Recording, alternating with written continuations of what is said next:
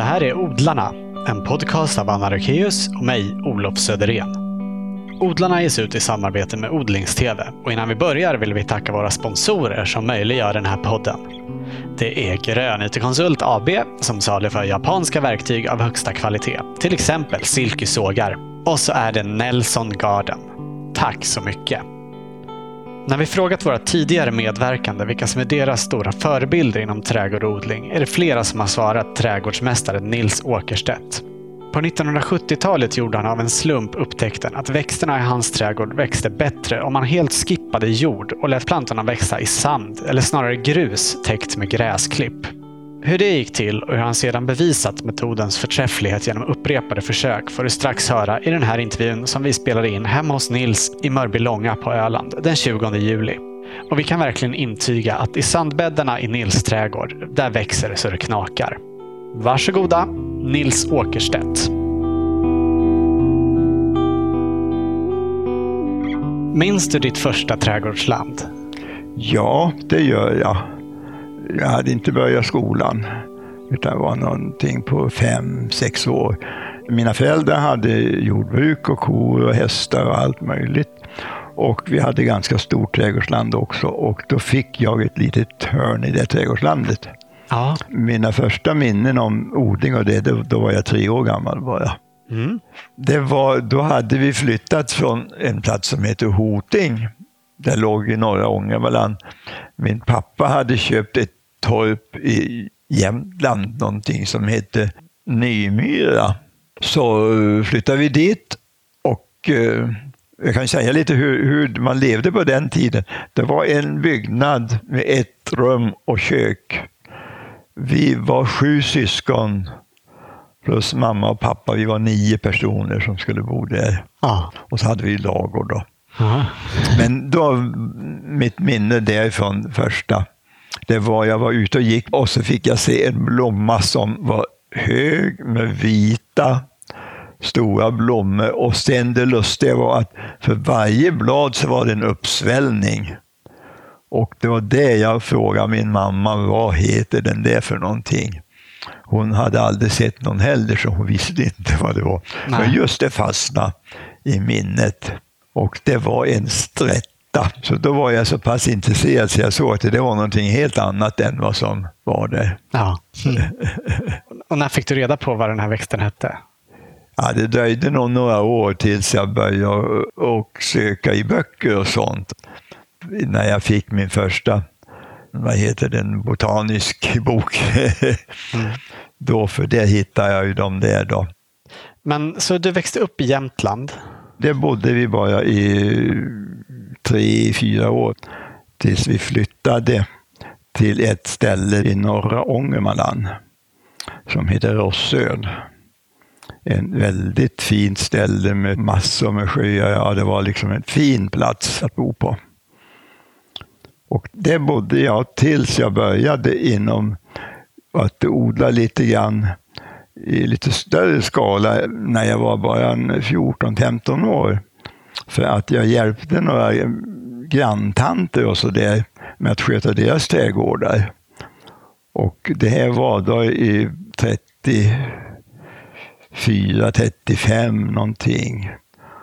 Men från och med eh, 37 så började jag i en herrgårdsträdgård på Hemsön utanför Härnösand Ja. en doktorinnan Kempe från Stockholm var det som hade den där trädgården. Hade både anställd trädgårdsmästare och så hade hon ett, eh, liksom ett jordbruk också. Som, och det jobbade jag då ett år. Och vad jag minns mest utav det, det var att i min ungdom så skulle man inte krusa för överheten. Nej. Utan var nästan bara stinsen man skulle buga sig för. Det var viktigaste personer i samhället. Ja. Och när jag då kom till det där på Hemsön där och doktorinnan så sa då trädgårdsmästarens fru sa till mig att hon hade sett att jag mötte henne och hälsade inte på henne. Så att eh, jag skulle ta med mössan och hälsa. Ja. Men sen dess träffade jag aldrig doktorinnan för jag gick alltid omvägar. Men i varje fall var det en trädgårdsmästare som var oerhört trevlig och omtänksam. Som lärde mig väldigt mycket i trädgårdsyrket. Och då var det ingen användning av konstgödsel och sådan, utan det var kompost och naturgödsel. Och eh, mycket lärorikt och vara, bra var det ett år. Och det var efter det då som jag sedan åkte ner till Skåne, till Hörby, Pamps handelsträdgård. Och även där så var det ingen konstgödsel heller. Där odlade man mest krukväxter. Det var bland annat då som jag fick se krysantemum för första gången som gör att jag fortfarande är väldigt intresserad av krysantemum. Vad är det med just krysantemum som du är så intresserad av? det är, eh, de är vackra, man kan ha dem stora. Man, som snitt så hade man eh, så här långa stjälkar och en stor blomma. Ja, nästan meterlånga. Ja, bland annat. Dubbla och ja, man, då visste man inte att man kunde bestämma när de skulle blomma. Men nu kan man göra det genom vad man kallar för kortdagsbehandling. Så att det blir halva dygnet mörkt, halva dygnet ljust. Ja, då, då sätter de igång. Och... Då sätter de igång och bildar blom. Ja. Så att jag håller just på med två exemplar nu som jag kortdagsbehandlar. Är det just utseendet på dem som du har fastnat för? Det är just det. Och det gick inte att få dem upp i rossön. Det var det ljust för länge och när det då blev höst och blev mörkare, då var det för lite ljus för att de skulle växa, så det gick inte att odla dem där, Nej. helt enkelt. Därför så blev det så fascinerande då när det är en handelsträdgård, det jag kunde få hålla på med dem där. Ja. Men det var då ett, ja, ett år sedan då militärtjänstgöring i två år under kriget. Och efter det då började jag trädgårdsskolan. Det var 23-24 år någonting? Ja, det var jag. Och var var det någonstans? Det var i eh, Söråker, ja. utanför Sundsvall. Ja. Det låg då trädgårdsskolan. Ja, det var så fantastiskt att få hålla på med både arbeta med i växthusen och få med lärare som talade om hur det skulle vara. Och ja. sen få läsa och lära sig allt det där som när det gäller botanik och allting sånt där. Det var någonting enastående bra. Det gick faktiskt, om jag ska skryta så, när jag gick ut trädgårdsskolan. Ja, jag var en av de få som inte hade studentexamen och inte realexamen heller. Nej. Men jag blev etta bland alla som jag hade. Jag ensam hade flera lilla A än klass. Det var åtta stycken till i klassen än vad de tillsammans hade. Men det var för att jag var så intresserad, det var så skojigt. Ja, så då visade det sig att då gick det att lära sig. Ja. jag hade en väldig tur bara det att upptäcka att jag kunde lära mig saker och ting och att det var roligt och alltihopa. Och sen det då så, nästan alltid så byttes husmor ut. Direktören på skolan han tyckte det var hemskt för att eh, man fick aldrig behålla en husmor med en säsong. Liksom. Och då eh, den eh, husmor som kom sedan, och hon var väldigt intresserad av växter. Och det. Och på en gång så blev vi ju sams om det och vi var ute tillsammans och tittade på naturen och allt. Och var ute och cyklade och åkte runt överallt och det. Så att det dröjde inte men ja, kanske ett halvår innan vi bestämde oss att vi skulle gifta oss. Sedan, ja. Hon var sju år äldre än mig, men att det tyckte vi inte gjorde någonting. Nej, men hon var så väldigt intresserad också av trädgård och odling och alltihopa. Det enda som hon trodde inte på när jag började med gräsklipp, Därför att hennes pappa var jordbrukare och han ansåg att det kunde inte vara någonting att ha. Utan eh, det skulle vara naturgödsel. Och i slutet på trädgårdsskolan då så började jag samtidigt med att ordna för ett, eh, en trädgård uppe i Rossön där då. En egen trädgård? En egen trädgård, ja. ja. Jag hyrde en så att jag skulle kunna börja med blomsteraffär också. Ja och byggde ett växthus där. Men det var lite kärvt klimat där. Det var lite svårt att få det att växa. Och då var det ju det att då använde jag konstgödsel. Du sa att när du började med trädgård hos den här doktorinnan så hade ni bara ja. naturgödsel. Då var det bara naturgödsel. Ja. När kom konstgödslet in i bilden? Det var nej, på trädgårdsskolan. Ja. För att då hade ju liksom, det var efter kriget så det hade kommit så mycket eh, när det gällde olika sorter av konstgödsel och bekämpningsmedel. Då var det DDT bland annat som hade kommit. Så att det var liksom självklart att det skulle man anamma, det skulle man lära sig. Och så försökte jag då men eh, då blev jag nog tveksam ganska fort att det där inte var så bra. Det blev halvdåligt resultat. Men efter fem år så var det en som sålde en handelsträdgård i Långsele. Så 55 då flyttade vi ner till Långsele. Det var ett eh, större samhälle och eh, ungefär fem års tid där då fortsatte jag ändå med konstgödselodlingen och det innan jag direkt sa farväl till den. Men jag förstod inte riktigt det här med gräsklipp och sånt. Utan det var naturgödsel som jag köpte på den tiden. Ja. Och eh, vi var, eller hade handelsträdgården det tio år. Och då var det endast på söndags eftermiddagarna som jag var ledig. Mm. Jag började på, under våren, sommaren, så började jag alltid klockan fyra på morgonen ute i trädgården för att eh, hinna med vad som skulle göras. Och jag hade ofta en eller två flickor anställda då som hjälpte till i affären och det. Men att då, jag har då alltid haft ont besvär med ryggen. Ja, du berättade innan intervjun att du haft problem med ryggen ända sedan du var barn. Ja, när jag var fem eller sex år. Då jag och mina två syskon som var närmast mig i ålder, vi var och lekte på, vi höll på att bygga en, en lagård och vi fick inte vara det och leka. Men som barn så gjorde vi det ändå. Och sen råkade jag ramla igenom luckan, alltså två och en halv meters höjd ungefär, slå ryggen i cementgolvet. Så att det var därför jag hade så ont i ryggen. Och det har jag sedan haft ja, i hela livet. Ja. Till och från. Mm. Perioder som det var, ja, jag var tvungen att gå och lägga mig och ligga. Just det, vi fick se bilder innan att du hade en Ja. särskild säng i växthuset där Ja. du kunde ligga och vila. Ja, men när vi hade varit där i tio år, då blev jag erbjuden att om jag flyttade ner till Sundsvall så skulle jag då få ha hand om växthusen där i parkförvaltningen där. Ah, ja. Och eh, det tycker jag lät då så bra så att eh, jag sålde handelsträdgården där i Långsele och flyttade till Sundsvall. Och jag trodde ju också att det skulle bli bra för ryggen. För att det inte skulle vara lika tungt jobb. Det skulle inte vara så tungt jobb. Det var naturligtvis alldeles för lätt jobb. Det blev för mycket stillasittande. Ah, Så ja. att eh, ryggen var besvärlig naturligtvis. Men sen då kom vi på att vi så att säga startade en liten firma. Det var väldigt mycket nybyggda hus på den tiden och gjorde ordning trädgårdsanläggningar. Ja. När var det här ungefär? Ja, det var 66, 67 Mm. sådär. Och då, så då på kvällarna då hade vi sådana där, gjorde i ordning villor.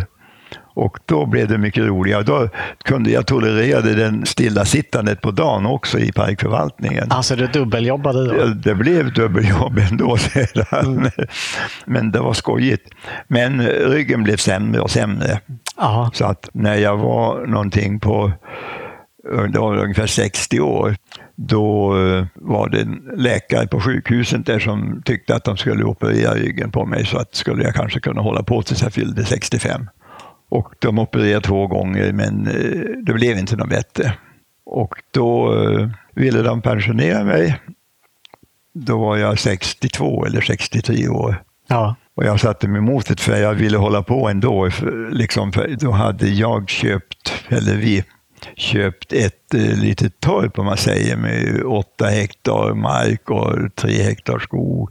Och ja. det, var, Var det i Krånge? det var i Krånge det, I närheten av Sundsvall? närheten av Sundsvall, en och en halv mil från Sundsvall. Ja. Och det var det, trots onda ryggen, då, då var himmelriket som började öppna sig. Ja. För det var så skojigt. Jag började ju på en gång, satte upp ett växthus genast. Men då var det rätt mycket stenar i- vägen. Men då hade jag eh, hjälpt på ett åkeriföretag, hjälpt dem mycket med olika råd och tips. Så jag fick nog en 20 bilars sand som fyllde upp hela området. Det var ett växthus på 60 kvadratmeter ja, det är rätt stort. Det var rejält. Ja, Ja. Men måste fylla det över sen. För att få en jämn få en jämn markyta. markyta. Ja, just det. Och det var då på f- första våren när jag hade det klart. Då, så jag tänkte jag skulle ta en jord och lägga ovanpå sanden. Och sen hade jag tomatplantor som växte. Och tomatplantorna, de kan man gräva ner. Och även om det kommer jord upp efter stammen, det gör ingenting. De klarar det. Just det, det blir nya rötter ja, längs stammen. Då. för det är många växter som inte alls tål det där. Men mm. just tomatplantan gör det. Så att då grävde jag ner dem. Och eh, så för att förhindra uttorkningen där då så la jag på gräsklipp. Uppe på sanden? Uppe på sanden. Och efter en vecka så såg jag väldigt tydlig skillnad. Och då förstod jag att det var någonting. Så då du såg direkt att det blev en förbättring? Jag såg att det blev någonting så helt annat. Ja. Och det är färgen på dem och växtfarten. Det är ju väldigt många som har det som förebild just på grund av den här speciella metoden att odla. Ja, ja. Hur går det till? Ja, det, först och främst är det man ser på skillnad på om det ska vara på friland eller om det ska vara i, i krukväxter. Krukväxter kan vi spara så länge. Ja. I friland, då bör man det går att odla på jord också. Mm. Det måste absolut inte vara eh, den här sand och grusblandningen. Men att det är väldigt viktigt att man täcker jordytan med 10 cm gräsklipp. Om man sår, när man då har gallrat växterna ja. så att de har blivit ungefär 8-10 cm, då lägger man 10 cm mellan raderna. Ligger det ända intill eh, en, Ända intill plantorna. Man får inte, det är många som missuppfattar det hela, täcker över plantorna också, men det går inte, det klarar de inte. Utan man försiktigt lägga emot. Och om man säger till exempel ja, kålrötter, rödbetor, palsternackor, allt sånt där, då behövs det bara de där 10 centimeterna gräsklipp ja. för att det ska klara säsongen ut. Men grönkål, eh, vitkål, och till exempel, de ska man ge 10 centimeter två gånger. Ja, de som är lite mer krävande. De som mer, kräver lite mer näring för att det ska gå. Men annars räcker det alltid med 10 centimeter. Så du tycker det är bra att odla i jord och gräsklipp, men själv så använder du ingen jord utan Jag bara sand? Jag använder sand till alla växter. Dels är det ju ingen rensning som man behöver hålla på med. Och dels att det växer bättre. Det har jag konstaterat väldigt många gånger för att eh, från början tyckte jag inte att det gjorde någonting om det var lite jord med. Eller från början så trodde jag att det måste vara lite jord med till och med. Men att eh, absolut bäst om det inte är en tillstymmelse till jord. Det är bättre med bara sand än med jord? Bättre med bara sand. Har du gjort jämförelser? Och ja, jag gjorde många jämförelser med det. Och det blev all, alltid bättre om man på alla sätt undviker att det kommer med jord. Och det går ju, dels när man sår, då kan man ju, man, det är lite problem att så i sand. Ja. För att första året, då finns det ju ingen näring alls när växten kommer upp. Och Nej. när de är små plantorna så kan man inte lägga på gräsklipp heller. Men då ska man göra gödselvatten av antingen nässlor. Nässlor är det mest effektiva att göra gödselvatten av de är så näringsrika. Men det går även att ta gräsklipp och lägga gräsklipp i vatten och så gödsla med det. Men då måste man gödselvattna lite lätt varje dag från när man har sått till dess man kan lägga på gräsklipp när växterna då har blivit en, ungefär en decimeter. Det är sånt som man sår. Men eh, man sätter potatis, den klarar sig ledigt tills blasten är en par decimeter. Då lägger man på gräsklippet första gången. Och hur djupt i sanden sätter du potatisen? Ungefär fem centimeter. Och man ska inte göra fåror som man är van att göra. Utan om man sätter 30 centimeters avstånd mellan varje potatis i raden och 30 centimeter mellan raderna. Ja. Det är alldeles utmärkt. Och eh, då potatisen genast, när den då har blivit ja, 15 20 centimeter, då lägger man på första omgången gräsklipp en decimeter. Och efter ungefär en, en och en halv månad, då lägger man på en decimeter till. Inte direkt för att det behövs för näringens skull, men för att förhindra att färskpotatisen den kommer på ytan och då kan det komma ljus igenom första lagret gräsklipp. Så att då ah, lägger man ett lager till ja, och lägger det alldeles mot blasten så att det inte kommer något ljus igenom. När du anlägger ett sånt här land på friland då, med sand, hur ja. går du tillväga då? Jag rekommenderar att skaffa brädor mm. och lägga ramar som ska då vara ungefär 20-25 centimeter höga. Ja, så att det blir lite upphöjt. Så att det blir upphöjt. Och sedan gör man så att bädden blir 1,25 meter bred. Det är idealisk bredd därför att då kan man nå från båda sidorna. Ja. Och sen gör man den om man har plats. Man lägger den på en fin ställe på gräsmattan för det kan vara riktigt prydnader där när man har fått igång det. Och eh, jag gör den så långt man behöver men då i den bädden kan man ju odla både blommor om man vill ha försnittblommor och sådant. Men eh, alla grönsaker av olika sorter och även då potatisen där. Och så fyller du den med bara sand. Och fyller med bara sand. Har du någonting som avgränsar sanden från eh, jorden under? Ja, är det en, vad säger vi, en gräsmatta utan flerårigt ogräs och sånt, då behövs det inte. Då kan man lägga det direkt, sanden ovanpå gräsmattan. Men ofta så finns det kvickrot och det finns eh, andra växter som kan vara lite besvärliga. Och då ska man lägga tidningar inunder. Mm. Och eh, man ska, när man lägger ut ramen så ska man ta bort grästorven ungefär 5 cm utanför ramen runt om. Och även på insidan så att ramen inte ligger på jord utan eh, ligger på sand. Det ska vara ungefär 5 cm sand under ramen. Då, för att då behöver man inte impregnera den eller någonting för de, i sanden då ruttnar den inte på samma sätt som om det kommer jord på den. Så att det är väldigt håller den längre. praktiskt. Ja, och varför man ska ha utanför då har man ramen då direkt mot jorden så kommer ändå gräset och allt att växa in. Men har man fem centimeter sand utanför och då ska man under sommaren någon gång vattna med saltvatten där för att det kommer växter utifrån. Men vattnar man den där sanden en gång om året med saltvatten då håller ramen mycket, mycket längre. Ja. Och sanden som du har i lådorna? Ja, den- Är det vilken sand som helst? Nej, det är det inte. Det ska vara någonting som heter 08.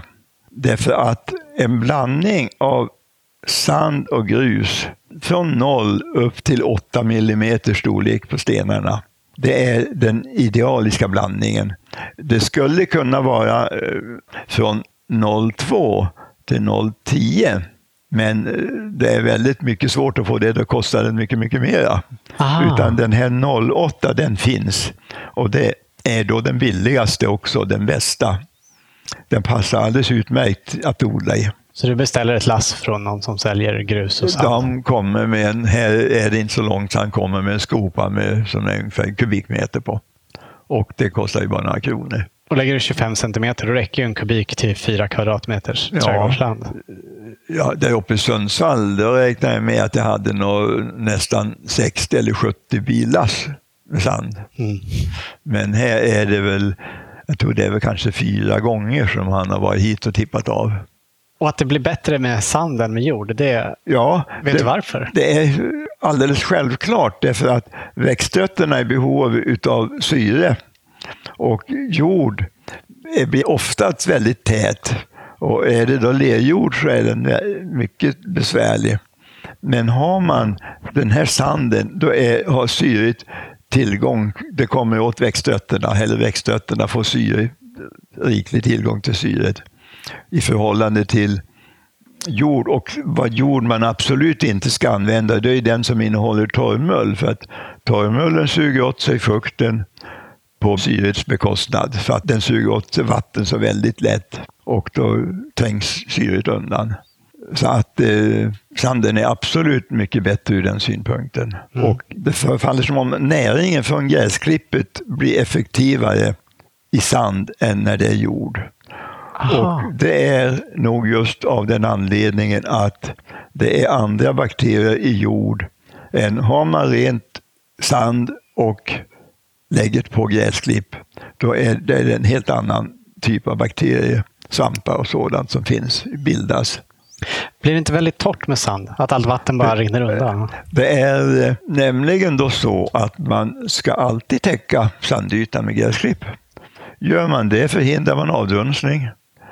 Har man, odlar man på vanligt sätt i jord och inte lägger marktäckning, då får man vattna mycket mer än när man odlar i sand och lägger på gräsklipp. Och odlar man i sand, då måste man lägga på gräsklipp för att ge näring. Så att totalt så är det nog mycket mindre vattning när man odlar i sand om man gör det på rätt sätt, att täcka ytan med gräsklipp. Mm. Men man ska aldrig lägga ett tunt lager så långt det räcker, utan man lägger, det ska vara en decimeter tjockt och så Mm. resten får vänta. Ja, man, nästa- kan, man ska inte börja med lite och sen fylla på mer efter. Nej, utan lägg en decimeter på en gång så långt det räcker och så nästa gång fortsätter man med efter varje klippning. Ah. Tills man har täckt alltihopa. Vad spelar det för roll om man lägger lite i taget? Då? Därför att då förlorar man väldigt mycket näring. Därför att det torkar. Tyvärr så är det ofta det rekommenderas att man ska lägga 5 centimeter gräsklipp. Men då torkar det så att näringsinnehållet som går ner till växterna, det blir mycket mindre. Även om man då lägger i två eller tre gånger också. För att för, man ska lägga decimeter, då är det effektivast. Och så använder du ungefär samma metod för krukväxterna inne också. Ja, men då, till krukväxterna inne, då ska det vara sånt här gräsklipp som har legat i plastsäck. Just det, för du använder både färskt gräsklipp och sånt som du har sparat. Ja, gräs kommer tidigare än grönsakerna i trädgårdslandet. Så att man kan inte lägga på genast. Och då stoppar man det i plastsäckar för det där saftiga gräset är väldigt bra för krukväxterna. Aha. Och sen får säckarna ligga. Det får inte vara torrt, utan är det lite, gräset lite torrt när man stoppar in det så man vattnat lite grann så är det fuktigt i säcken och knyta till lufttät. Får ligga i solen ett par, tre månader. Då är det som det där såg ut som jag hade i lådan. Ja, det du hade en plastburk här Ja, utanför. som kogödsel ungefär. Ja. Och då sätter man ner växten i, i krukan. Ska det fungera bra så får det inte finnas någon jord alls på rötterna utan det ska vara så att man kan skölja av dem i vatten så att all jord försvinner. Så det är ren sand bara. Mm. Men inte fyller krukan ända upp utan ungefär tre centimeter från kanten upp till. Ja. det är klockan Det är som klockan, kvittrar. ja. ja. Vilken fågel är det vi hör? Ingen aning. Jag hör dem knappt. Jag trodde att man skulle kunna ställa in volymen, men det går inte alls. Men i varje fall då, upp till tre centimeter från kanten upp till, där fyller man först sand. Sen lägger man då en centimeter av gräsklippet runt om, täcker hela ytan. Och sen lägger man då en eller två centimeter sand ovanpå det. Aha, så gräsklippet Så är inte överst? Gräsklippet måste täckas över för annars torkar det. Och dessutom så luktar det så då känns lukten mycket mera. Ja, Ja. det här som har legat eh, Ja. ett par månader i säck, det Ja, luktar just lite, det. lite som kodynga också. Lite, ja. Och eh, då i regel, de flesta växterna, så dröjer det ett halvår innan man behöver ge dem nästa gång. Så att ungefär två gånger om året, det är vad det behövs. Behöver aldrig gödselvattnas någonting. Det kan vara när det är nysatta sticklingar, det de kan vara, då kan det vara, kanske vara bra med lite nässelvatten ett par gånger. Men i normalt fall så behövs det inte. Nej. Och det fina med sanden jämfört med allt annat det är det att man kan använda samma. När det gäller krukväxter, dör plantan, så tar man bara bort det och så innehållet det använder man på nytt. Nackdelen med det, det kan vara att det kommer alltid många olika slags växter i krukorna som man inte alls har någon aning om vad det är. För att, ja, jag spar, det kan vara utav frö som har kommit dit och det kan vara gladiol, små gladioleslökar och det kan vara andra sådana där saker eftersom man använder samma sand. Du får små överraskningar då. Ja, det blir alltid överraskningar. Men att eh, man kan använda den år efter år efter år. Behöver inte bytas. Och det är ingen risk för att det blir sjukdomar i den och sådär? Tomater anser man att de måste byta jorden åt dem varje år, de är så känsliga. Mm. Och jag odlade tomater på samma ställe i 18 år utan att byta. Och två år av de åren så behövde jag inte lägga på något gräsklipp heller för det fanns så mycket kvar i sanden. Men eh, naturligtvis så kan det bli några sjukdomar och då ska man undvika att använda den, låta den ligga någonstans helt öppet ett par år. Så, Ja. Sen är det ingen risk. Men när man ser det som ligger i dina rabatter här utanför så ser det inte riktigt ut som sand. Det ser mer ut som jord egentligen. Ja, därför, eftersom man då använder den samma år efter år så blir det ju, för det där gräsklippet man täcker det med, när det bryts ner så blir det ju mycket av det materialet som hamnar bland sanden. Så att eh, dels blir den färgad utav det där Och dels blir det ju alltid organiskt material som blir liggande där av olika sorter. Så att därför så eh, efter en tre, fyra år, då börjar den nästan att se ut som jord. Men stenarna kan inte förändras utan de har samma, samma porositet i sanden. Just det. Ändå. Och det är många som tycker liksom att sand, det ser liksom lite grann eh, galet ut så att de tycker bättre om det när de har börjat få intrycket av att det är jord. Ja. Finns det någon växt du har testat som har visat sig inte passa för den här metoden? Jag har inte hittat någon. Jag vet, jag höll på att räkna ut ett tag att det är nog närmare hundratals olika arter och sånt som jag har haft under årens lopp. Men alla trivs och mår väldigt bra utav det. Det är nästan fantastiskt hur de växer. Ja, ja det ser ju otroligt frodigt ja, ut, både ja, ute i trädgården och i alla ja, krukorna här. Ja, det finns ingen nackdel med det hela. Nej.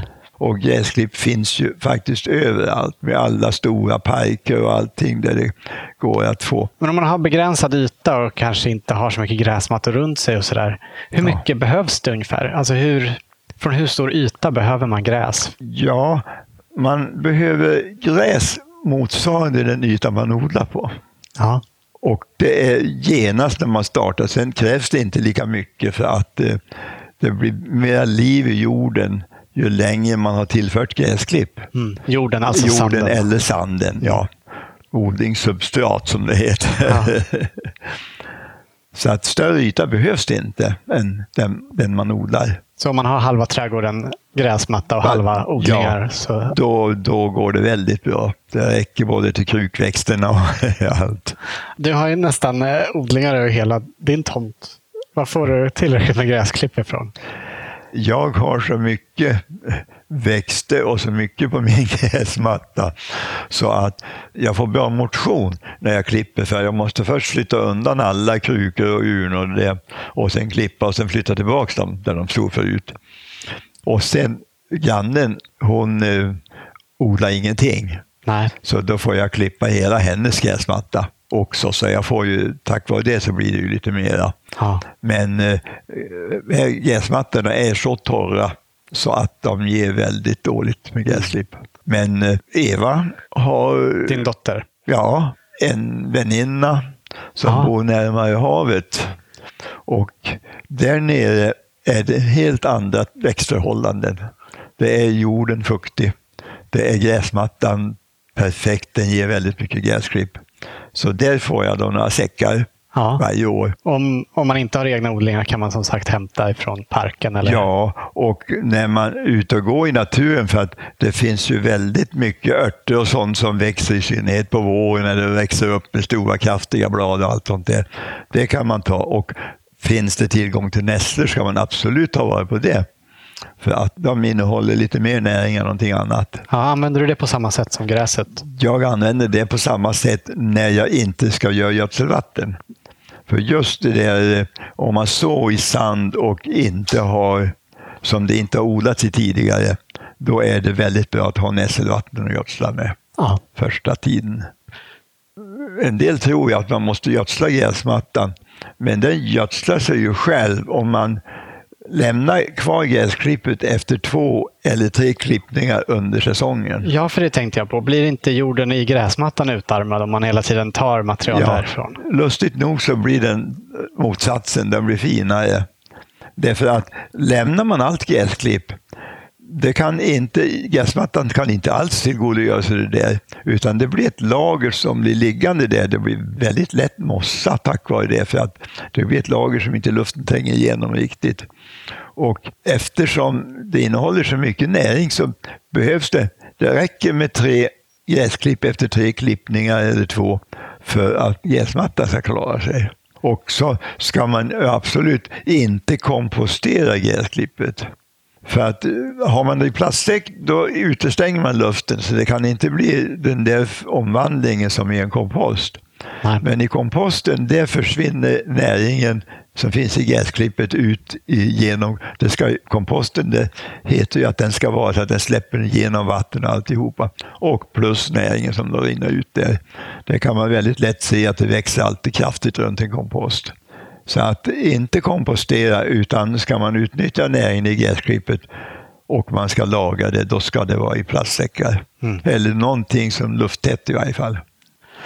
Men kan man ta gräs eller andra växter var som helst? Finns det inte risk att det har hamnat kemikalier eller något annat på det? det? Är, man ska aldrig ta ut efter vägar. Därför att det finns det då stor risk. Och sen är det ju på vissa ställen där de sprutar, de, dels när det, det saltar så att man ska vara en bra bit ifrån vägarna för att vara säker på att inte saltet har kommit dit.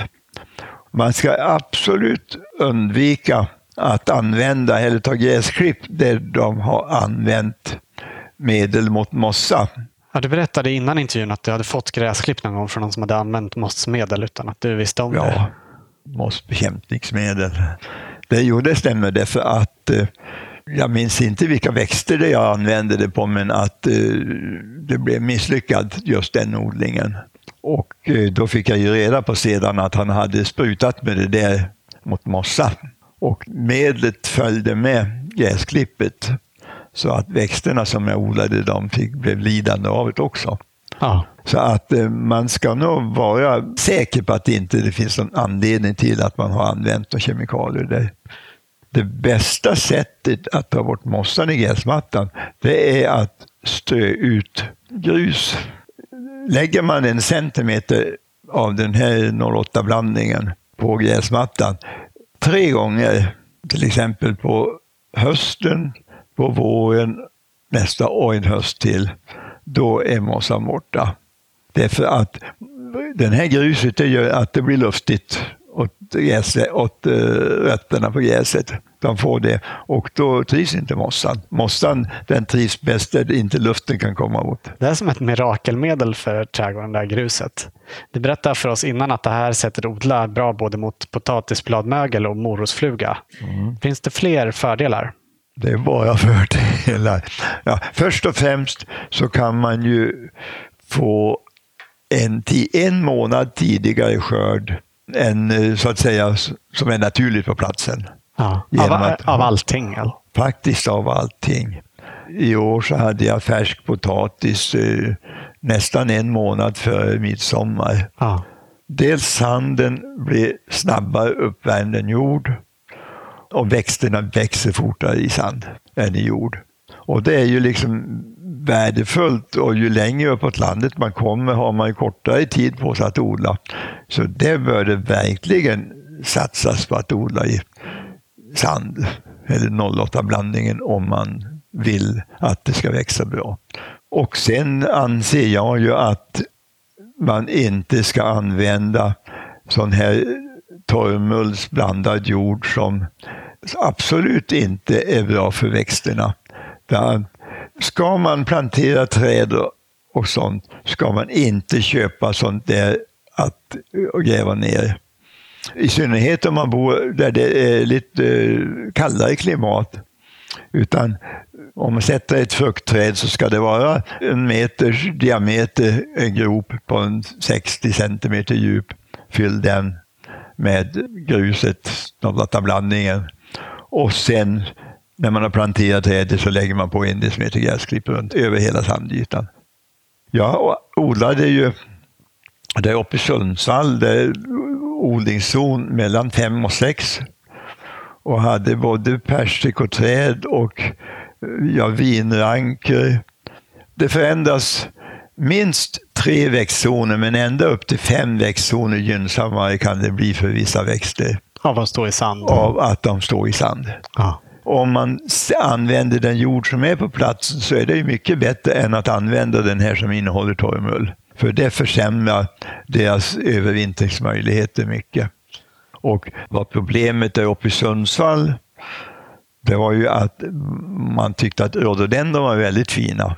Ja. Men det var mycket, mycket svårt att få dem att övervintra där. Därför att det heter ju att man måste plantera dem i torrmull. Och för det heter att eh, de här surjordsväxterna tål inte ett högt pH-värde. Och där uppe regnar det bra. Så att torvmullsjorden är våt när det fryser. Den fryser ju riktigt rejält. Och jorden då, där rötterna är tinar inte upp.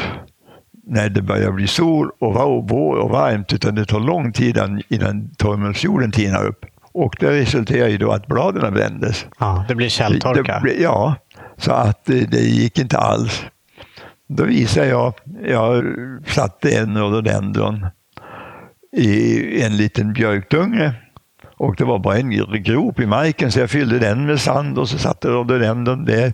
Tog bort så mycket som möjligt av torvmullen som var på rotklumpen. Täckte med gräsklipp.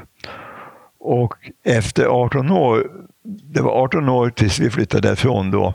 Och då var den 20 kvadratmeter, täckte den 20 kvadratmeters yta. Det är en stor rhododendron. Den rhododendron som var ja, en vanlig när jag satte den. Mm. Och det skojiga med det är att då jag kollade pH-värdet där, för att jag fyllde ju på, eftersom den växte så fyllde jag på mer och mer sand.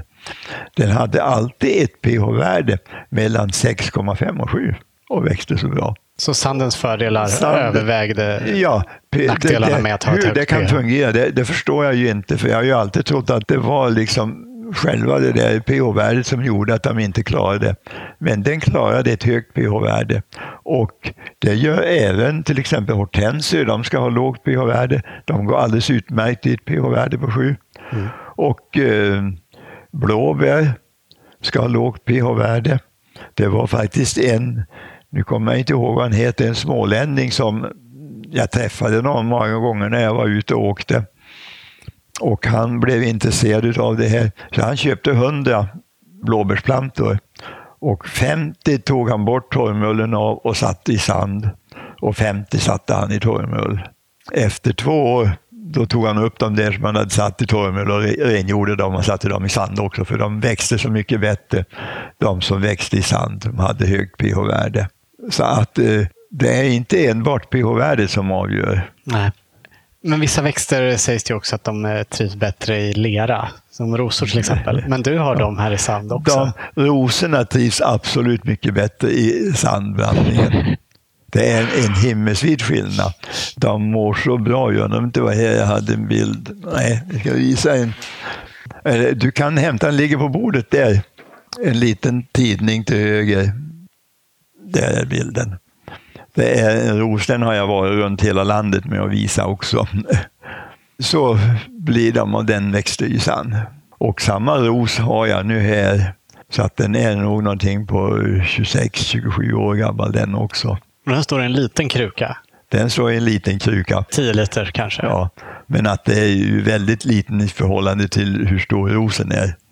Nej, men det förefaller som nog nästan alla växter kan växa i sand. Du menar att det finns miljöfördelar också med ditt sätt att odla? Vill du berätta om det? Ja, det är ju nå, många. För, först och främst så är det ju om gräsklippet får ligga kvar efter att de har slagit det. Mm. Då frigörs ju koldioxid och eh, stora flertalet är ju av den uppfattningen att vi ska minska koldioxidutsläppet. Ja, det är väl men, de allra flesta överens. Ja, men med de här stora, enormt stora gröna ytorna som finns inom landet, om vi tar hela Sverige, mm. så är, måste det vara enorma mängder koldioxid som går ut i atmosfären. Så att därför ska man då undvika att gräset får ligga där, utan man ska se till att det finns växter som tar vara på den där koldioxiden som finns i gräsklippet. Så i och med att vi använder gräsklippet och gödslar med, då gör vi en stor miljötjänst där. Att man förhindrar koldioxidutsläppet. Men dessutom så är det ju det att all näring som finns i gräsklippet, det förmultnar ju. Och det där måste ju ta vägen någonstans. Ja. Så att all näring som då från det förmultnade gräsklippet åker med mm. i dagvattenbrunnarna och till sjöar, åar, vattendrag.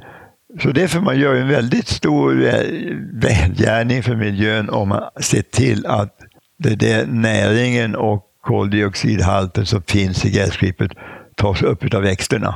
Och genom att inte använda konstgödsel så är ytterligare bra för miljön.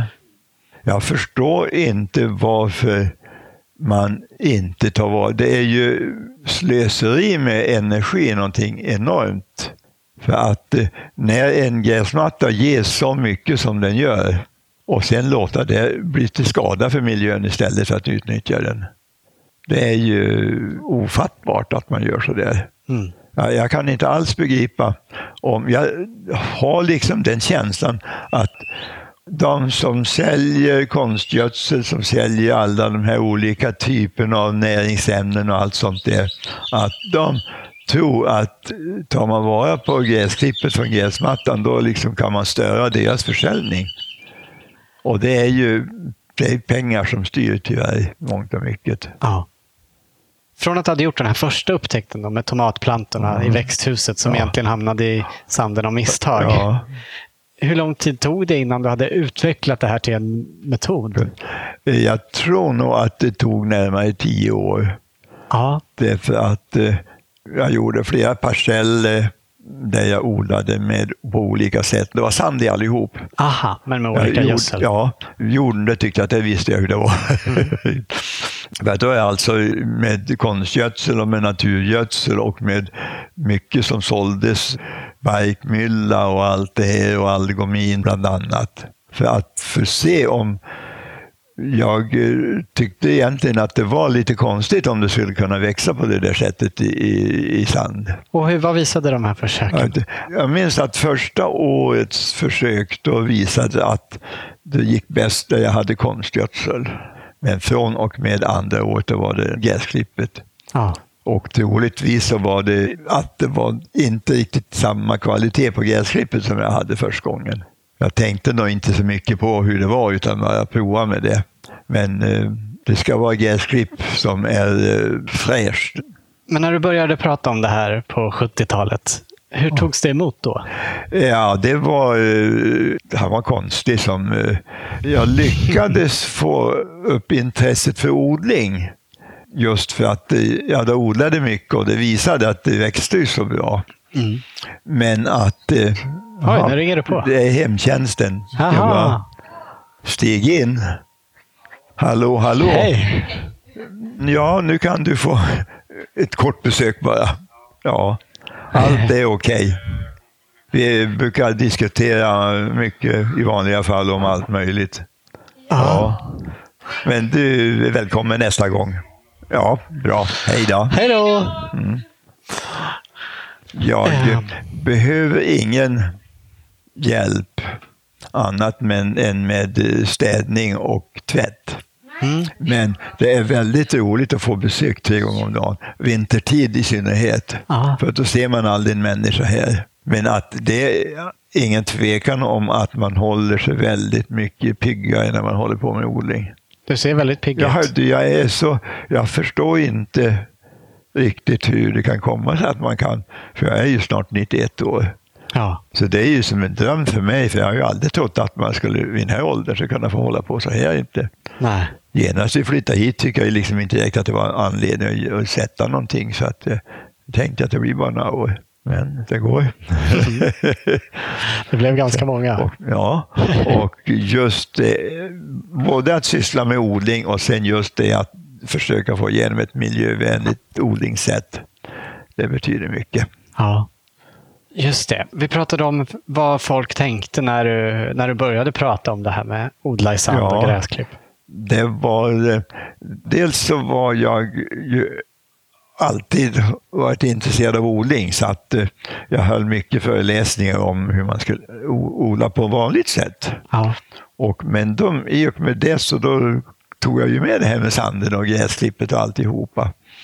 Så det var, jag var faktiskt över hela landet, upp till Piteå, och Luleå, och jag var nere i Ystad och Malmö och Göteborg och det jag pratade också om det hela. Och att eh, ja, det, var, det uppskattades. Väldigt ofta var det mässor som man var på. Och då var det lantmannar var det och de som sålde konstgödsel var det.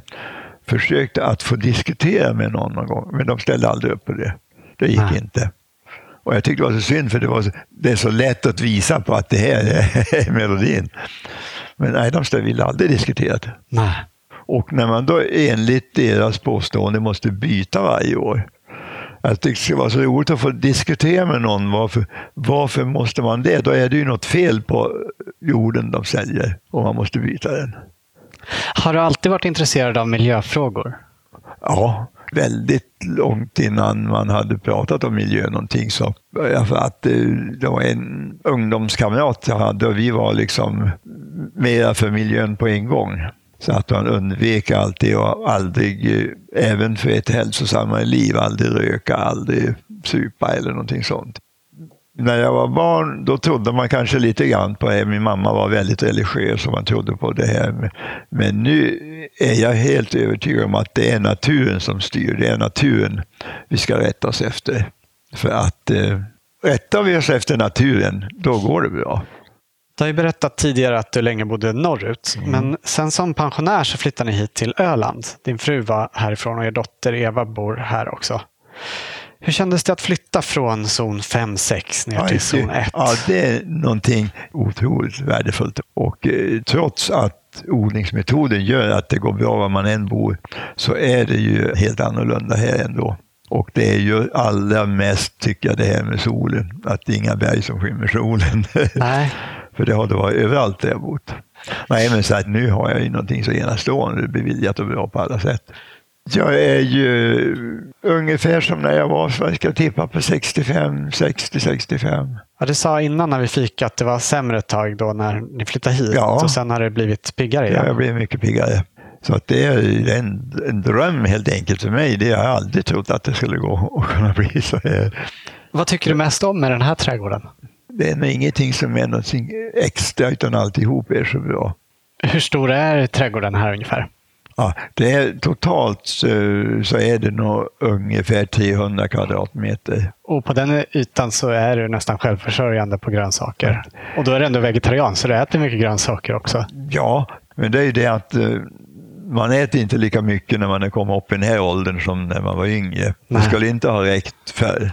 Vi ska säga också, det är ju inte bara eh, grönsaksodlingar utan du har Nej, massor med blommor. Det är och... mycket blommor. De, jag tror nog att jag har lika mycket blommor som jag har grönsaker. Ja. Ungefär. Men eh, potatis och morötter, mangold, för att då fryser jag in i mycket så att jag har då, jag har ju sallad, färsk sallad har jag ju faktiskt nästan hela året runt. Ja. För att jag har då växthuset. Det är, I fjol var det ingen frost i växthuset på hela vintern. Så att eh, jag har ju väldigt bra med sallad också vintertid. Vi fick prova väldigt goda tomater här innan också. Ja, ja de är ju verkligen goda när man får dem färska. Så det. Och ja. sen har jag ju hallon som är djupfrysta och svarta vinbär och vindruvor. Och alltihop växer i sand? Allt växer i sand. Ja. Och så har jag tog bilder vid växthuset från tidigt på våren när det är då bara sand där. Och så är det så roligt att ta bilder just på det där. För grönkålen nu är väl en 40-50 centimeter och frodig och sen har jag ju majs där och solrosor och tagetes som eftersom sanden ligger då igen ovanpå marken så blir det en liten slänt där och då satte jag tagetes hela den slänten. Den blommar rikt. Ja, de är jättefina. Ja, det är de verkligen. Och varje gång när jag ska skörda morötterna så brukar jag samla några stycken som är intresserade av och så brukar de få gissa på hur mycket de tror att skörden kan bli på en kvadratmeter. Hur mycket gissar, brukar det bli? Ja, 20-25 kilo på en kvadratmeter. Oj, ja, det låter mycket det, ja, för den ytan. Normalt är det ungefär 3 eller 4 kilo per kvadratmeter. Ja, om man odlar, så, odlar på vanligt konventionellt sätt. Så ja, det, det, är en sån himmelsvid skillnad. Ja. Är det lika stor skillnad med andra grödor? De flesta, utom sådana som inte behöver utrymmet. Till exempel vitkål, de måste ju ha det där plats för bladen. Ja, den tar ju en kvadratmeter ja. oavsett var den växer. Mm. Du har stora bananplantor i krukor här i vardagsrummet också. Ja, av en slump så fick jag en bananplanta när jag bodde uppe i Sundsvall. Och eh, efter en par år då så fick jag en skörd på 65 bananer. Mm. Innan dess var jag inte direkt intresserad av det, för jag hade så väldigt mycket annat. Men då insåg jag ju att bananodling, det var skojigt. Och de står förstås också i sand? De står i sand. När jag då hade skördat det där första gången, då ringde de från Uppsala biologiska trädgård. Och han sa, problemet är ju det man ska ha bananer in, att de måste ju ha åtminstone 500 liter jord. För att man räknar ju konventionell odling så ska roten bli lika stor som kronan. Ja. Men det är inga 500 liter i den där Nej, krukan? då är det, det fina här att jag har 20 liter sand. Det är tillräckligt för att hålla en bananplanta igång. 20 liter sand och Ja. en centimeter gräsklipp. Ja, det, ja det, bananplanta får en centimeter tre gånger om året. Ja. Jag, jag tror att de behöver lite mer Mm. än de andra växterna. Men de är ju på sätt och vis lättskötta. De vill ha lite fuktig luft. Man ska duscha dem helst en gång om dagen. Och sen bör de ju ha idealläge om man har österfönster åt dem. Mm. Men tack vare att man kan ha så liten kruka som 20 liter så då kan man ju faktiskt ha den i våningsrum mycket lätt. Om man har ett österfönster. Eller att man har, det finns ju numera växtbelysning som är gjort precis enbart för växterna. Ja, då har du några kraftiga lampor Ja, i taket. här. den är ju både drar lite ström och den gör att växterna klarar sig. Även om inte de får så mycket sol. Sen är det ju utan tvekan en stor fördel att de har en bananplanta inomhus. För att ju mer växter vi har inomhus, desto hälsosammare är luften. Så att det, vi mår mycket bättre om vi har växter inomhus. Ja, Man ska alltid ha mycket växter inomhus. det tycker jag med. Ja. Du var inne på att din fru Ingrid inte riktigt trodde på det här med gräsklippet. ja. Hur gick det sen? Ja, sen så insåg hon ju att det gick bra. Men hennes pappa trodde nog aldrig på det. Nej. Inte. Var en gammal bonde så att det var, det var jord som ska vara. Mm. Och det är inte så konstigt kanske. Nej. Men om man har en trädgård där det redan finns jord överallt, ska man byta ut det mot sand då? Eller Ja. kan man använda den med Eh, gräsklipp? Dels är det lite beroende på var man bor någonstans. Har man problem med eh, att växter ska övervintra och att man tycker det växer för långsamt och allt sånt där, då är det en stor fördel att byta ut att ha sand och göra i stil med en liten eh, bädd. Mm. Men annars, det går alldeles utmärkt i jord och jorden blir bättre och bättre för varje år som man tillför gräsklipp. Det blir mycket, mycket mer liv i den och det växer bättre och bättre. Vi träffade din dotter Eva när vi kom hit. Och hon tycks ha utvecklat ett odlingsintresse också och anammat din metod. Har det spridit sig till andra barn och barnbarn? Ja, båda mina döttrar, alltså även hon som bor i Danmark, har ju helt, är helt självklart att man ska odla på det här sättet. Ja. Och eh, även barnbarnen. Många av dem är väldigt intresserade av odling också. Ja. Det är helt självklart att det ska vara. De vågar inte annat. En eh, sköter om eh, i Köpenhamns eh, fontäner. ja. Och det håller de på också att ska använda gräsklipp. För de har ju mycket planteringar också där. Mm. Vi fick se fina bilder här innan också på ditt barnbarnsbarn. Ja, han är fantastisk för att vara så ung. Han, Ja, han såg ut att gilla bananplantan. han kan namnet på så många växter redan och det är så att det är eh, helt otroligt tycker jag. Kanske en blivande trädgårdsmästare. Mycket möjligt. Nu har du ju kommit fram till det som enligt dig är det perfekta sättet att odla på. Men du håller på att experimentera lite fortfarande i trädgården. Ja, det går nog inte att eh, komma ifrån om man är intresserad av växterna och odling. Jag hade en gång när jag var nere i Malmö så var med stadsträdgårdsmästaren där i parken och tittade så hade de en hypericum som är en växt med gula blommor som var rätt så fin. Och jag eh, tog ett skott utav den och jag minns han sa det att det har nog ingen chans att klara den uppe i Sundsvall för den går bara i zon 1 och zon 2. Men eh, jag fick till buskar utav den uppe i Sundsvall, i varje fall av det där. Och eh, jag hade den med mig hit. Och sen av en slump så här växer det någonting som kallas för fyrkantig johannesört med väldigt fina blommor. Och den tillhör samma familj, Hypericum det också. Men det var en ört och så det här andra var en buske, en vedartad buske som var lite ömtålig också. Men jag kom på att jag skulle korsa dem där och se vad resultatet blev. Och eh, då blev det två olika typer utav hypericum. Buskar som blev vedartade och var den ena har blommor som den fyrkantiga johannesört det är ju väldigt vackert, men den har vackrare blad än den hypericum som jag stal nere i Malmö. och då väldigt fina blommor eftersom de är större än den här på Johannesörten. Mm. Och sen väldigt fin fruktsättning.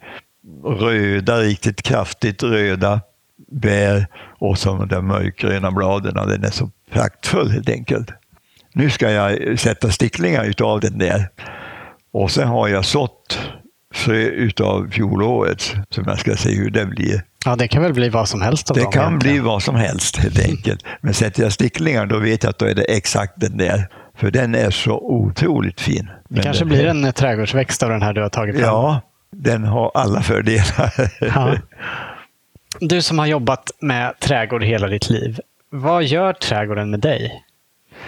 Den gör att jag alltid är på bra humör. Det är alltid skojigt att hålla på med oavsett vad den är för någonting.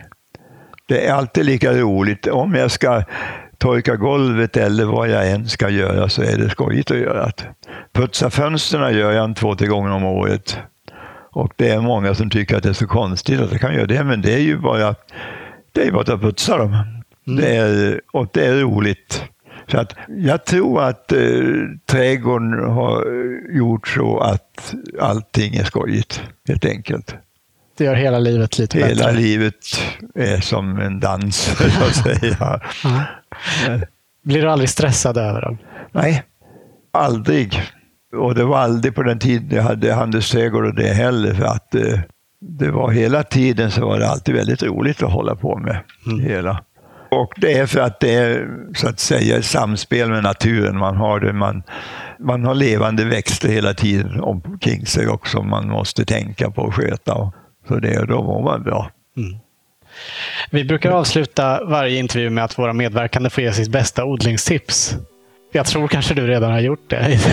ja, ja jag, jag, kan inte komma på något som är bättre. Nej. Du, tack så jättemycket för att eh, vi fick komma hit och träffa dig. Tack så mycket för att ni kom.